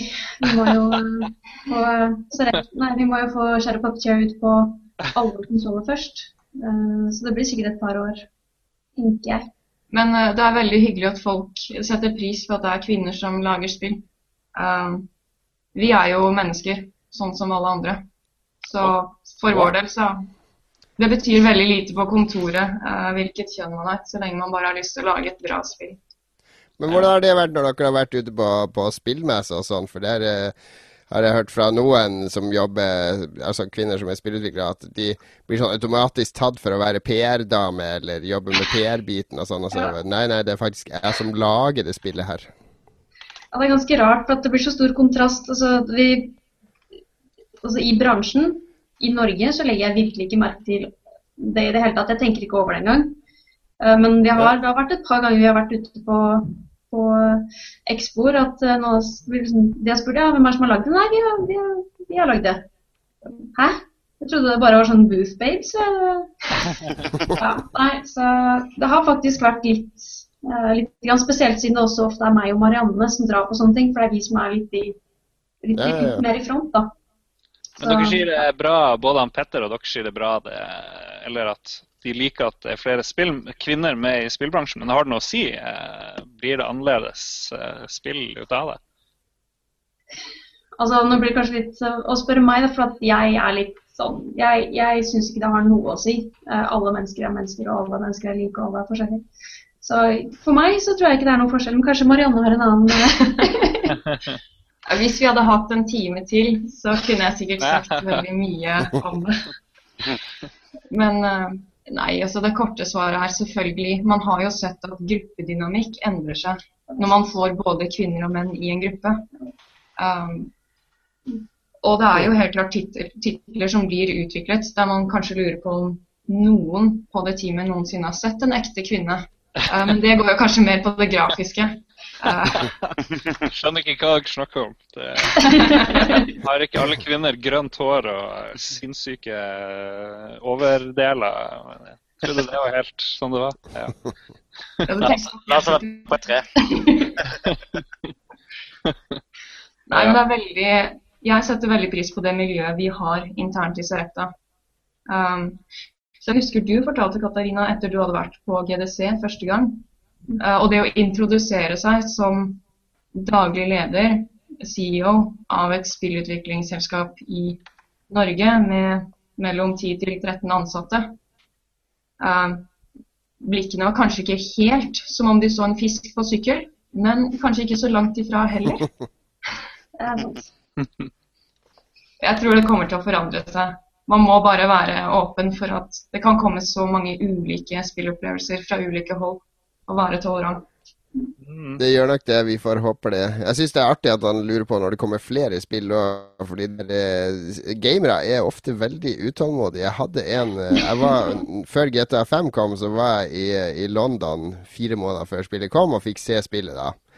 Eh, og Så skrev jeg en artikkel om det, og det var det en GTA-fan som la merke til. Så han maila meg hver dag, sendte han meg en mail der han lurte på hvor mange biler det var, og hvor stort kart det var, og hvordan historien til Michael ble, og om han fikk være flere enn de tre. Det var nytt spørsmål hver dag. Jeg svarte på alle mailene òg. Ganske sånn kjappe, korte svar, da. Og så kom endelig spillet. Endelig spillet kom, og to dager etter spillet kom, så, så sendte han en mail.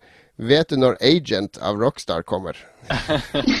da lurte han på når det nye Rockstar-spillet skulle komme. Det var to dager etter det spillet som han hadde mast om i fire måneder. Så, så gamere skal alltid ha det neste. Det er, det er en sånn gylden regel. Han, uh, Hans Wang Li spør uh, hvis dere hadde midler og folk til å lage deres perfekte spill, hva hadde dere lagd? Kan vi spørre, Hvis dere hadde hatt ubegrensa ressurser, hva hadde dere funnet på da? Altså, hadde man spurt for ja, når som helst tid tilbake, så hadde vi fortsatt eller for min del i hvert fall fortsatt tatt Shadow Puppeteer. Uh, men vi har vel begge egentlig hver vår uh, spillidé som ligger og venter nå. Og tror uh, begge to er ganske ambisiøse. Min er nok helt crazy, men uh, ja. Så, Går det an å røpe det nå, kanskje? Jeg vet ikke. Så... Jeg har en spillidé som startet som en vits, for jeg ikke klarte å huske tittelen på et annet spill. og nå har jeg glemt det igjen. Men det er jo Paul and Percy. Uh, fordi at det var i forbindelse med at de drev og undersøkte Coop-spill. Og så skulle jeg snakke med en annen på teamet som het Klas. Så jeg bare Ja, men det, du det spillet uh, Pitbull and Pony, eller hva enn. Uh, jeg har egentlig et spill jeg vil lage som heter Pitbull and Pony. Mm. Så da Ja, det blir en lang historie. Men helt ærlig så vet ikke jeg hva jeg har lyst til å lage hvis jeg hadde hatt ubegrensede midler. Det er en sånn helt klart Det er litt farlig med ubegrensa midler òg, for et spill blir vel egentlig aldri helt ferdig. Så hvis du vet at du har fortsatt råd til å lage det videre, så, og pusse videre på det, og legge til det der og det der og det der, så, så, så blir det vel aldri ferdig. Og noe jeg tror du viktig er at jeg tror kanskje heller ikke det spørsmålet passer helt i, til indie-utviklere, fordi vi er litt sånn Hæ? Vi lager det da uansett. vi går for det. Så, men jeg, jeg har lyst til å lage et spill som er koblet opp mot en kjent norsk film. eh, og det kommer til å ta i hvert fall fem år å lage. Norske byggeklasser? Hva sa du? Er det norske byggeklasser? Uh, ja, ja. Døden på Oslo S? Så, ja. Døden på Oslo S, ja. Det, det savner jeg i, eh, i spillversjonen, altså. Døden på Oslo S, ja. Det hadde vært Jeg må kanskje se filmen først. Nei, nei, nei, det er ikke nødvendig. Nei. Ok, vi skal ikke spekulere mer i det. Har vi flere lytterspørsmål, eh, Lars? Ja, han Trekkis eh, spør om det er mulig å spille eller lage et multiplayer-spill sånn at det funker på alle plattformer. Han kaller det interplattformisk. Jeg vet ikke om det ordet blir å ta av eh, rent teknisk. Er det noen som har prøvd seg på det, og hvorfor har det da blitt skrinlagt, ikke videreutvikla? Det er jo et spørsmål til oss, til oss alle sammen. Ja, det er til oss alle sammen. Ja, det fins Husker du det var et spill som heter Shadowrun på, eh, på Ikke det gamle rollespillet, men de lagde jo sånn F Counter-Strike-aktig skytespill som ble gitt ut på Windows og eh, Xbox 360 samtidig, og der 360-spillerne kunne spille mot Windows-spillerne og motsatt. Mhm. Så det er, det er ikke det at det ikke er teknisk mulig, men jeg tror kanskje at de serverne er litt kostbare å drive, pluss at man må ja, det er litt, må tilrettelegge det for begge og ja. Ja, jeg vet forskerne om. Ja, men vil Sony og Xbox og Nintendo gå med på det? Jeg vet ikke. De kunne vel ja, Der ligger vel problemet i at de skal ha sine kunder og sin, på sine plattformer. Så Det er vel det som forhindrer at Xbox-folk får spille mot PlayStation-folk og motsatt. Plutselig får du Ja. masse nye venner på Xbox, og så oi, kanskje jeg skal dit i stedet. Og særlig Nintendo har jo veldig strenge regler i forhold til hva som kan tillates som en online spillopplevelse. Eh, så jeg tror på en måte de her klassiske gamer rants som man hører om på Xbox 360, man kan ikke ha det på Nintendo. Det, Mm. Man kan ikke kalle hverandres mødre halvparten av det som blir sagt engang. Ja, men det hadde vært interessant hvis man prøvde å lage et sånn type spill, men der PlayStation-folk eh, slåss mot eh, Xbox-folk og At det blir sånn stein, saks, papir-opplegg. Det er Ja, sånn det indirekte at, at hvis, hvis PlayStation-folk erobrer så og så mange baser med, De som erobrer flest baser innen det tidspunktet, de vinner det fjellet. Og det blir sånn PlayStation-flagg på toppen av fjellet i begge sin versjon av spill. Det hadde vært mulig, tror jeg. Ja, sånn en Console War Mountain. Ja, ja, nå har vi en spiller... Nå har vi en Wars. neste Sarepta-spill på gang allerede her. Console Wars. Wars. Det blir jo neste? Fantastisk. Men eh, Dibs på den ideen der. Uh, vi tar ideen for oss Alt, midler. alt som dere prater om i Lolbua, tilhører Lol... Nei da, dere skal få beholde alt. Alle ideer dere får her, er bare å ta med seg. Og husk Lolbua i Idébua. Eh, men du hadde jo på PlayStation 3 så hadde du jo eh, Orangebox. Det ga jo Velvet for både PC og, eh, og PlayStation. Det var vel cross-server, var det ikke det? Nei, du spilte vel ikke mot folk på PC? Jeg trodde de åpna for det på Team Fortress og sånn. og at uh, Det var i hvert fall snakk om at de skulle gjøre det. Men I hvert fall i uh, Portal så skulle det være co-op. Ja, det husker jeg ikke, men jeg tror ikke det det gikk. Men uh, ja, jeg skal ikke Ja. si det helt sikkert. Eh, Våre faste lyttere, Confusus90, har et par spørsmål. Først lurer han på hva vi syns om franchise-spill eh, som Shadow of Mordor. Og så har han en forkortelse jeg ikke kan. BSTMAB. Hva farsken er det for noe? Jeg tror det er Batman han har prøvd å skrive. Bustmab. Ja, men jeg lurer på hva jeg syns om spill basert på store franchiser. Det er helt greit, det, så lenge de, så lenge de ikke prøver å være Altså, filmspill som prøver å være film, eller eh, Altså, de må, de må finne sin plass i det nye mediet. Sånn som Batman Arkham Asylum er jo et veldig bra eksempel på hvordan du tar en filmatisk tegneserielisens og lager et reindyrka spill ut av det. Og det er visstnok Shadow of Mordor òg, som man nevner, det nye Ringenes herre-spillet. Som uh, slippes i morgen, er det ikke? Ja, denne uka i hvert fall. Ja. ja. Jeg syns synes det er helt fint. Man kan jo ofte lage Det er vel de som lager, uh, lager spill som er basert direkte på noen altså Harry Potter 2, eller går direkte inn i manuset deres, som ikke funker. Men hvis man baserer et spill rundt et univers, så funker det jo mye bedre. Mm. Ja, altså, mm. Ja, nei, eh, altså det er jo akkurat som eh, tegneserier som blir til film også. Altså En har jo lyst til å utforske eh, liksom andre dimensjoner av underholdninga vi er glad i. og eh, Spill byr jo på superunike muligheter til å, til å teste seg ut i, i skoene til personen uh, vi er interessert i. Og prøve å være Batman for en natt, osv. osv. Jeg syns det er kjempekult at de Ja, de må, Så lenge de, de, tar universet og gjør noe eget ut av det. Fordi jeg, jeg var jo og besøkte de, som lagde de, de Harry Potter-spillene rett før det siste spillet, det som var det katastrofalt mest dårlige av alle, der de prøvde å gjøre det om til Gears of War og alle mulige andre ting.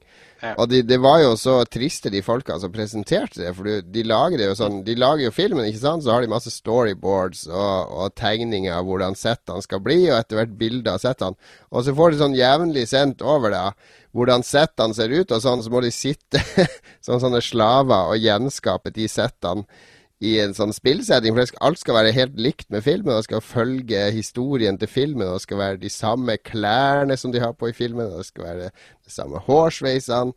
Og de sitter liksom bare bundet på hender og føtter og prøver å lage et spill ut av eh, sånne utrolig sånne stramme rammer.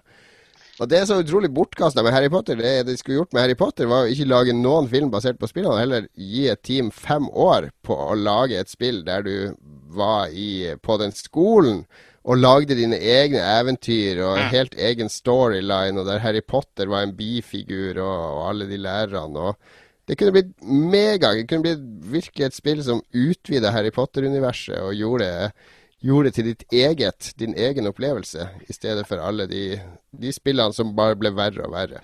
Noe som var veldig veldig uh, merkverdig med akkurat Harry Potter-serien, viktig at du tok det opp, det var For jeg var på presentasjonen, jeg snakka med developeren av det første og det siste. Uh, og det var, det, det var, natt og dag, altså. De var, de var så skap, det var så mye skap og sånn i de første. De hadde så mye planer for det universet og, og uh, mye interaktivitet de skulle få inn i det. Og mye de nettopp skulle bygge videre på Harry Potter-universet. Mens det siste var en ren sånn Nei, vi føler det passer inn i det og det segmentet. Og jula nærmer seg, og filmen kommer jo nå på kino. Og, nei, det var en helt annen holdning til mediet i det hele tatt. Men jeg husker det er det, de, er, det er det som er så typisk sånne lisensierte franchisespill. For de har jo ofte det her helt urimelige tidspresset. Mm. Men sånn, ja forresten, vi har laget en film, og den kommer ut om tre måneder, og vi trenger et spill. Ja. Uh, og det må se helt likt ut. Vær så god. Tim Schäfer har, uh, har, eh, kalt det for uh, uh, Han har sammenligna det med å handle popkorn på kino og kjøpe ei T-skjorte til filmen du har vært og sett. At spillet bare er en sånn her umiddelbar franchiseting som de bare skal pushe ut før du har glemt filmen. og det er en forskjell på det. det, det de flinke folka klarer å gjenskape universet, sånn som med Batman-spillene, som var de revolusjonerte hele Batman-universet, i hvert fall for min del. Ja, ja, men det krever frie tøyler. Gi spillskaperne ja. lisenser med frie tøyler, så blir det bra spill ut av det. Det er og konklusjonen vår. Vi kan jo ennå ikke snakke om slutten på forrige, ikke forrige Batman, men uh, det andre uh, Arkham City. Men de fikk jo veldig frie tøyler på å kødde med Batman-universet. Ja, ja, ja. Og det har levd videre over i, i uh, tegneserieuniverset osv. Så, videre. så det er eh, DC Comics har helt skjønt det, og det har også Marvel. Han, eh, Jan Christian han har også tenkt på det om å utvikle spill. Han sier han kunne godt tenke seg å utvikle dem fordi han er glad i spill, og kunne tenke seg å gjøre mer enn å narrespille dem. Han driver vel og er sånn playtester eh, for Ja, han er play playtester hos både Han har vært playtester hos både Dpad og, og Rain, så han, så han har jo en fot innenfor. Ja. Så vi får se. Vi får si til Jan Christian, kjør på. Eh, Hvilket råd har dere i Hamar til en, en vordende ung spillutvikler som lurer på å ta steget? Hva er det viktigste man bør lære seg å være forberedt på? Man skal lytte, være ydmyk og jobbe hardt. Det man lager første gang, det blir ikke perfekt. Man må få andre til å prøve det, gi feedback, være åpen, og så fortsette å jobbe med det. Det kan høres veldig sånn overfladisk ut, men det er det som for meg da, er kjernen i det. Mm. Og veldig konkret. Uh, hvis ikke hvis ikke han er et multitalent som kan absolutt alt, så må han finne andre mennesker som også har lyst til det samme som han. Og så må han passe på å plage Dpad og alle disse fantastiske spillutviklerne i Norge. Fordi vi, altså ikke være redd for å snakke med dem, da. Fordi vi har folk som f.eks. kommer inn hit, og vi tar et par timer og snakker med dem. Fordi vi vil jo at andre også skal starte opp. Mm. Så, ja, finne andre og snakke med spillutviklerne i Norge. Og bli med på Global Game Jam. Ja, ja. Global Game Jam. Siste helga i januar. Det er kjempeviktig. Det er jo bare å lage spillet Angry Bird Feud uh, et eller annet sånt. Så, Flappy Angry. Angry så tjener man penger. Flappy Feud.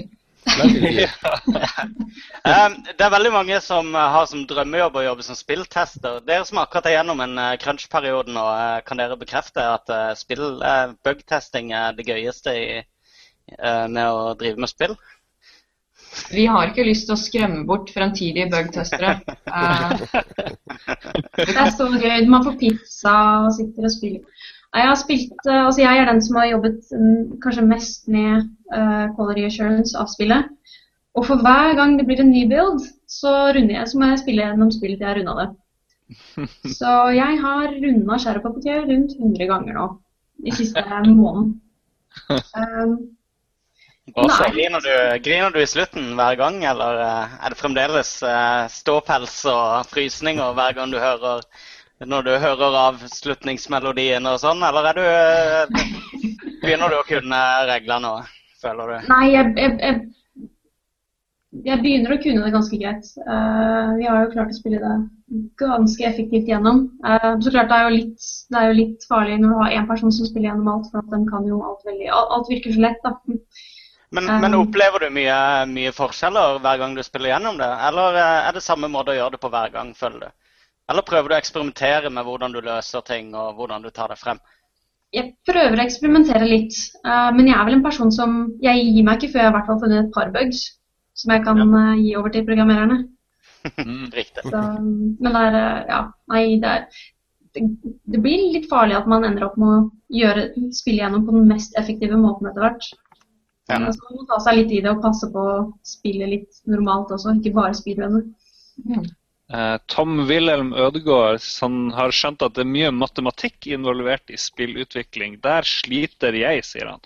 Kunne dog tenkt meg å studere spilldesign, hadde det ikke vært så himla kostbart. Her har han to utsagn. Jeg vet ikke om det stemmer at det er mye matematikk involvert. Og er det veldig dyrt? Hvis du blir programmerer som skal um, som skal jobbe med alt innenfor spillet. Men det kommer også veldig an på hvilket spill du lager. da. Så er det kanskje en del matte. Men jeg vil ikke tro det er uoverkommelig. Uh, og hvis man starter på Høgskolen i Hedmark, så koster det ikke noe heller. Uh -huh. Så der kan man studere spilldesign. Det er en standard semesteravgift. Jeg tror den er på underkant av 700 kroner nå. Kanskje den har gått opp til 800. Mm. Men da er det så at du skal kunne printe ut ting på biblioteket og ha adgangskort. Så man trenger ikke velge privatskolene som koster litt mm. mer enn det.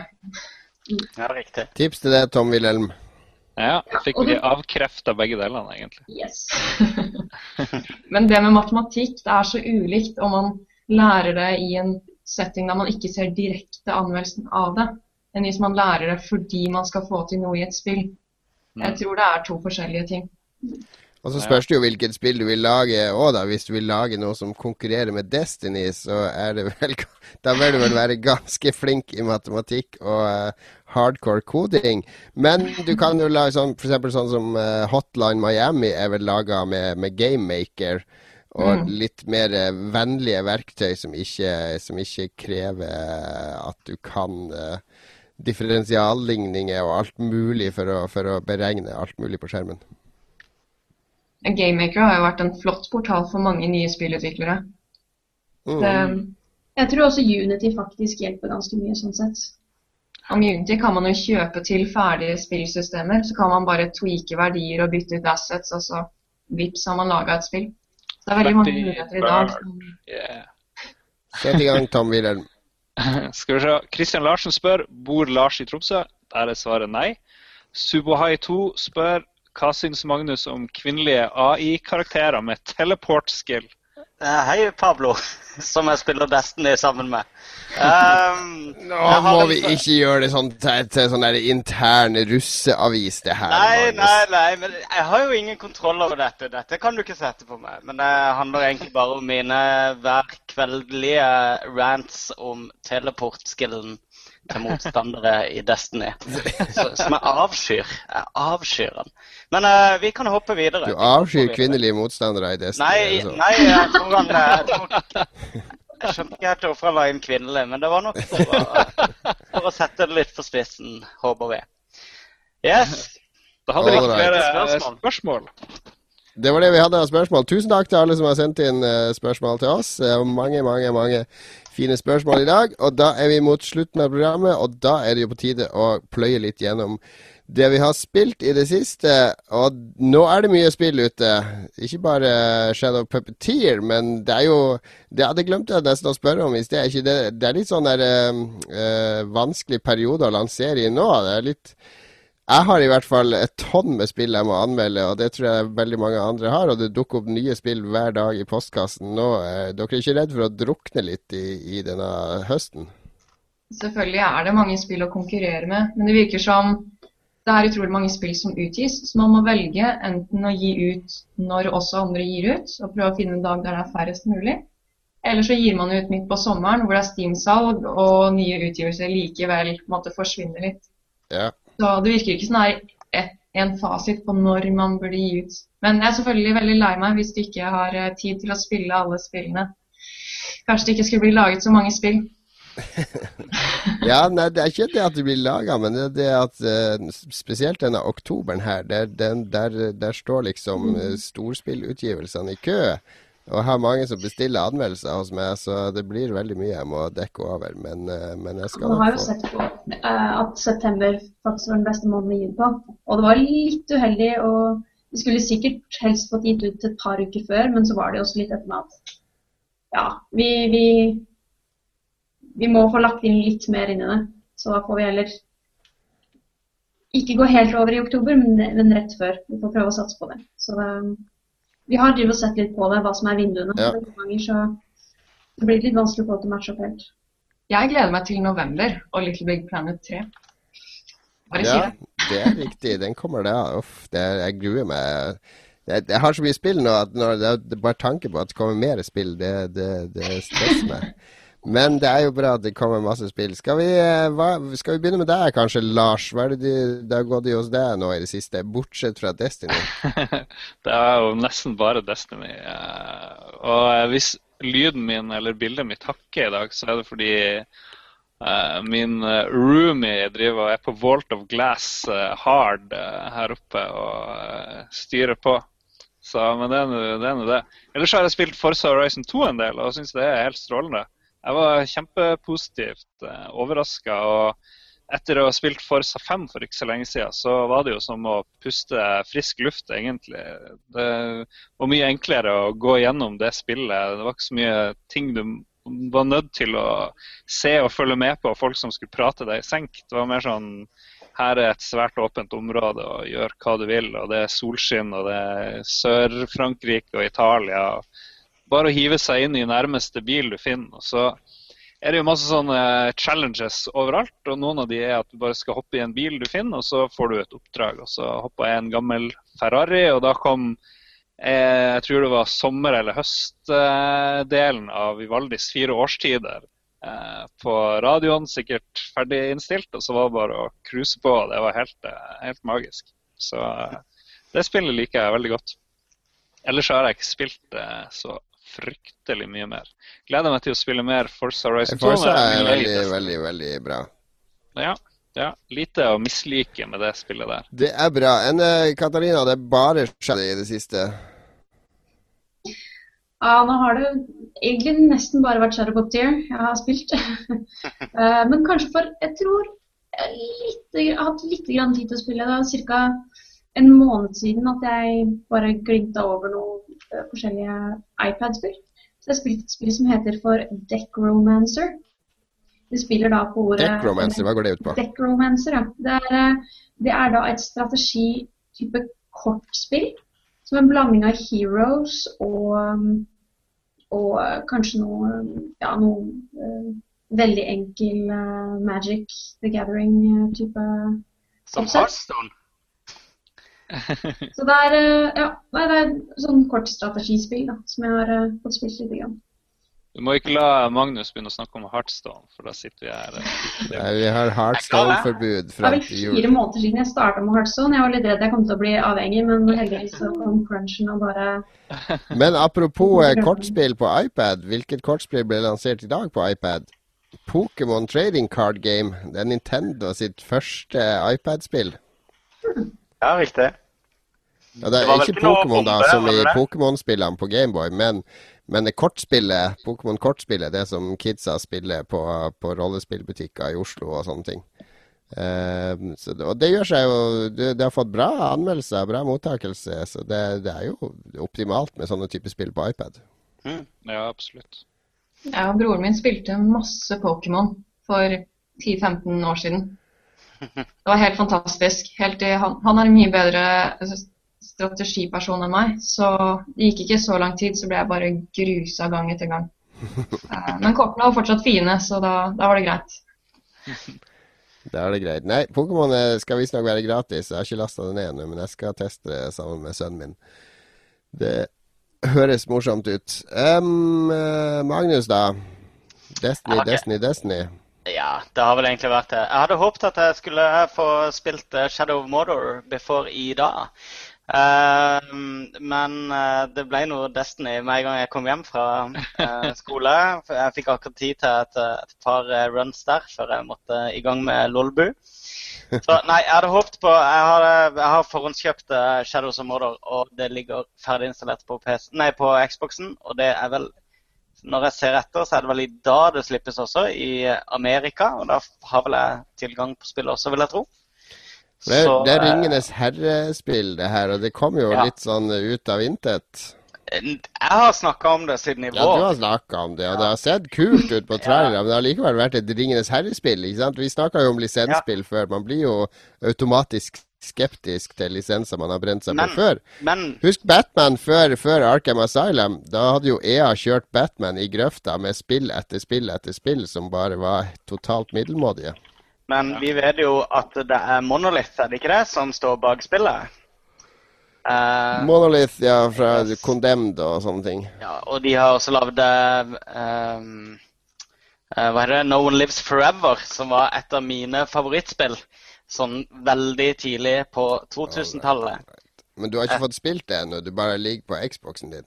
Uh, ja, det skal spilles i uh, morgen, tenker jeg, hvis jeg klarer å rive meg vekk fra, fra Destiny. Uh, men jeg gleder meg veldig til det. Nå, De kaller det jo ja, en blanding av Ringenes herre og Batman, og jeg har hørt eh, veldig mye eh, Alt jeg hører om spillet, er jo bare lovord nå. Så kanskje det er spillet som skal ta, endelig ta oppmerksomheten bort fra uh, Destiny. Jeg gleder meg veldig. Jeg har det på vei i posten, så jeg gleder meg stort til å spille det. Marianne, da. Du, du har fått spilt litt. Jeg tok en halvtime i helga, og så For jeg spiller ikke nye spill, jeg burde, men så bare glemmer jeg de. Så jeg plukker opp gjerne spill som er ett til to eller tre år gamle. Ja. Jeg begynte da på Uncharted 3. Um, jeg er veldig fan av Naughty Dog-spill. Det har vært helt siden Crash Bandicoot. ja. Uh, jeg har en årlig tradisjon med å spille Jack and Daxter. Og har også spilt de andre Uncharted-spillene. Uh, Hva har syns du om treeren da, i forhold til de to andre? For den treeren er vel uh, det, er vel, det, er den, det var noen som ble skuffa av den. Det var dritbra. Men hva Ja, syns du? Jeg er studieutvikler, altså jeg ser på det tekniske og kan alltid beundre det. Ja, merker det når hun sitter og spiller. Jeg tror jeg har sett på et par sånne fredagsdager når jeg har spilt, og hun sitter og banner. Og du, liksom, du Marianne, sånn Hva? Ja. Så det ser at du analyserer det til spillet da. Ja, jeg kan være litt ragy og banne litt når jeg spiller. Det innrømmer jeg. Det er viktig. Man må ha litt temperament og litt følelser når en spiller. Ja, ja, ja. Jeg syns kanskje den største svakheten i uh, Uncharted-serien er at Naughty Dog insisterer på at Uncharted skal være en skytespillserie. De legger så utrolig mye tid og energi inn i masse sånne meningsløse, helt sånn generiske skytekamper, når resten av spillet er bare praktfullt. Uh, både når det gjelder uh, navigasjon og puzzles og historiefortelling og alt sånt. Så at ikke de tør å, å kjøre litt mer eventyrspill og litt mindre bare sånn her tullete Hollywood-action, det, det, irriterer meg litt. Men jeg syns uh, serien er knallbra. Altså, som spill er det fantastisk. Jeg sliter litt med Nathan Drake som har good guy everyman, men mm. på slutten av hvert spill så har de jo slakta mange hundre mennesker. Jeg syns ja. det er så rart hvordan han kan ha de her catchphrasene sine med sånn whoops eller look out eller At han liksom er en good guy likevel. Han er jo forferdelig. Spillhelter er jo psykopater, det må, må, vi jo bare mm. konstatere. Det finnes jo ja, ingen ja. som er prega i slutten av et spill. Ja, men det er samme som Lara Croft da, når hun, i det siste spillet nå. Hvor hun var på øya, hun var sårbar, og så gråter hun når hun tar livet av et dådyr. Men jeg talte hvor mange mennesker hun tok livet av, og det var sånn Fram til nummer ni så var hun veldig lei seg. Ja, ja. På nummer 39 så var det go to hell. Så der har man det presise antallet mennesker et par før en spillhelt blir sosiopatisk. Jeg husker jeg gjorde akkurat det samme poenget da det spillet kom. Om utrolig vondt det var å ta livet av noen. Og sånn sånn der skjelvende skyter sine første folk og veldig rettferdiggjorte drap og sånn. Etter hvert så er det bare inn i en landsby og bare OK, nå skal jeg bare jage ned og drepe absolutt alle som lever i denne landsbyen før jeg går videre til neste. For jeg er på leting etter sånne små statuetter. For meg så virker det nesten litt realistisk, da. Egentlig. Sånn, ok, Det starter som et normalt menneske, og så etter viss, et visst punkt så er du bare OK, nå er du ødelagt. Det, det føltes litt som Battle Royale. Uh, men jeg spiller alltid en approach der jeg prøver å spille stealth hvis jeg kan. Mm. Og da føltes det nesten enda verre, for jeg kunne sikkert sneket meg forbi de fleste uten å ta livet av dem. Men jeg vet ikke om det er sånn indre ryddetrang, så det blir sånn ja, rydde bort igjen. Ja. Rydde og samle. Det er mye, ja. mye rydde og samle. Ja, ja. Jeg har, eh, jeg har, spilt så mye i det siste at jeg vet egentlig ikke hvor jeg skal uh, begynne. Jeg, kan, jeg, jeg, orker ikke å gå gjennom alle. Jeg har spilt gjennom uh, D4 på Xbox One, som er laga av en Swery. En japansk spillutvikler som er veldig inspirert av Twin Peaks, og som lager spill som er utrolig sære, både visuelt og innholdsmessig. og manus og sånn. Det her er en amerikansk Eller det er en krimgåte, da, der du er en fyr som heter David Young, som kan reise tilbake i tid ved å ta på uh, ting fra folk som han skal besøke i fortida. Uh, og han skal da finne ut hvem som drepte kjæresten sin. Og det er uh, Den første episoden foregår på et fly der det er en splitter pine gal dame som er livredd for at flyet skal ramle ned. Og så er det en splitter pine gal motedesigner som går rundt med en mannekengdukke. Og så er det en gal FBI-agent, og det, du er omgitt av galskap på alle, på alle sider, da. Men det er uh, det er litt sånn Telltale-aktig, sånn Walking Dead-aktig sånn grafikk og presentasjon, men du styrer med Kinect-kamera, og det, er, det, tar litt tid å venne seg til. Men det blir ja, en sånn essensiell del av opplevelsen. Du, du er en slåsskamp der, eh, der du tar en baseballkølle, så må jeg ta opp armene i sånn baseballholdekamera sånn du holder en baseballkøllepositur, da. Og så kaster han en sånn uh, greie mot meg, og så skal jeg slå den da, akkurat som jeg slår en baseballkølle. Og da får han fienden rett i trynet, så glassøyet hans spredt ut. Og så tar jeg en ropert, og så må du brøle alt du kan inn i Kinecten, fordi du brøler i roperten og gjør han døv. Og så skal du slå han over trynet, og så må jeg slå han sånn fysisk med nevene mine. Veldig tilfredsstillende å høre de lydene når jeg slår min neve og ser blodet sprute og sånn. Eh, det, er, det er noe helt annet enn når du spiller God of War og sier trykk A nå, trykk X nå, trykk trekant nå. Altså at du må peive med armer opp og ned og hit og dit for å reagere, og det samsvarer med det som skjer på skjermen. Det var veldig gøy. Det er veldig gøy bruk av Kinect. Det er, det er veldig gøy spill. Artig eventyrspill. Helt unikt. Så, så det hadde jeg virkelig moro med. Altså, jeg har spilt, uh, spilt alt mulig i det siste. Uh, Hyrule Warriors, Zelda-spillet, det er også moro. Fifa er bra. Drive Club har jeg akkurat begynt på, men det får jeg ikke lov å si noe om før neste uke. Smash Bros på 3DS er uh, kjempe, kjempebra. Mye bedre enn jeg hadde trodd at det skulle bli. Det er det mange som venter på. Smash Bros. Ikke Magnus, da. Han hater Smash Bros. Jeg hater ikke Smash Bros, men jeg er ganske likegyldig til det, så carry on. Men uh, bare to ord om det her D4. fordi du Magnus, du ble jo ikke vant til det der uh, Kinect-greia. Uh, nei, men nå har jeg ikke prøvd det igjen heller. Jeg har prøvd det i noen, kanskje et kvarter. Men jeg lurte på, er, er du støl i skuldrene, eller ble du svett og varm når du spilte spillet, Jon? Eller var det en, en bedagelig affære? Og... Ja, under den ene slåssescenen så ble jeg litt svett, men det var på en veldig god måte. fordi det, det, var, det var det jeg som hadde slåss, ikke sant? Det... Det blir en litt sånn innlevelse. Det blir ikke Du slutter å irritere deg over det etter hvert. Og så har du også en sånn derre Du, du får hele tida se ser der døde kjæresten din, og da prøver han der David å ta på henne. Så han driver og tar ut i lufta, men han tar jo bare gjennom henne. Og jeg sitter og gjør akkurat det samme i rommet. Jeg sitter også og tar ut i, lufta for å åpne en skuffe eller en dør eller se på en ting det er veldig samspill mellom meg og David. da. Vi sitter begge der eh, bak et slør og, og prøver å, å, å, manipulere en verden som, som, er delvis fantasi og delvis virkelighet. Men uh, hvor, hvor, mange timer sitter du og spiller? Uh, blir du ikke sliten i armene f.eks. av å sitte med Nei, Det tar to og en halv, tre timer å spille gjennom Nei. hele D4, så det ja. blir ikke sliten. Men vil du Ja, Uh, men det funker, syns du? Altså responsen på bevegelser og sånn, du venner til det? For du må bevege ja, deg litt ja, sånn her det, det, det funker helt fint. Det er, det, du savner Jeg savner ikke Altså, det det måtte ha laga det helt annerledes hvis det skulle være vanlig styring. ikke sant? Da hadde det vært et sånn tredjepersonsspill der du hadde gått rundt, og så måtte du streifa forbi sånne nøkkelpunkt som lyser opp, og så trykker du på A da, og det hadde blitt det har blitt bare helt tradisjonelt. Men den, den kontrollmetoden har noe for seg akkurat i det spillet her. Ja.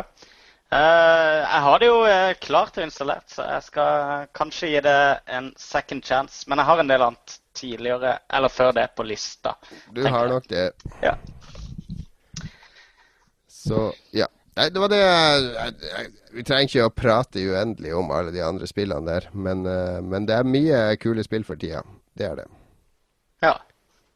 Ja. Og Shadow Puppeteer har jeg akkurat begynt på i dag. Eh, jeg skal spille det videre med sønnen min i morgen, så det kommer ikke noe dom på det før vi er ferdig. Vi kommer oss tror til andre verden eller noe sånt i dag. Etter den der uh, uh, Hva heter det, gruvevogna som uh, vi må kjøre i berg-og-dal-bane omtrent med. Vi er litt etter det. Dere får kose dere videre med det. Vi skal gjøre det. Og vi skal uh, begynne å fase ut sendinga. Vi hadde litt startproblemer, men uh, det tok seg opp uh, etter hvert når teknikken kom på plass. Ja, det var superkoselig å ha ekte spillutviklere på plass. Kan vi bli satt på plass, vi og våre lyttere som tror alt mulig rart om hvordan det er egentlig å lage spill. Takk for at vi fikk komme på programmet deres. Ja, veldig, veldig interessant. Det var veldig hyggelig at dere ville stille opp. Og vi ønsker dere all lykke til med salget av Shadow Puppeteer og uh, fremtida. Og vi ser, dere, vi ser dere kanskje på uh, lørdag, hvis dere skal på Seistas Matter. Det skal vi. Oh, yes. Da ses vi der. Da kan vi gamergate og drikke øl sammen yes. og korruperes i Vi har hatt en bra sending i dag. Takk til alle lyttere som har sendt inn spørsmål. Takk til alle som har fulgt oss live, og takk til deg som hører på podkasten her og nå. Du kan følge oss på eh, Twitter, eh, at lolbua. Du kan finne oss på Facebook. Eh, bare søk på Lolbua. Du kan sikkert ganske snart finne oss på det der LO. LO også. I hvert fall kan du finne meg og Magnus der, for Lars syns det er bare noe tull. Og det har han sikkert helt rett i. Eh, b- hva er det noe mer, da? Lolbua.no. Gå inn der. Nå legger vi ut saker nesten daglig. Eh, I hvert fall én av oss. Eh, har dere noe mer å tilføye? Magnus og eh, Lars? Eh, Jeg har veldig lyst til å si ha dem. Da skal vi si ha det straks. Tusen takk til Sarepta for at dere stilte opp. Ha det godt. Ha det bra! Ha det.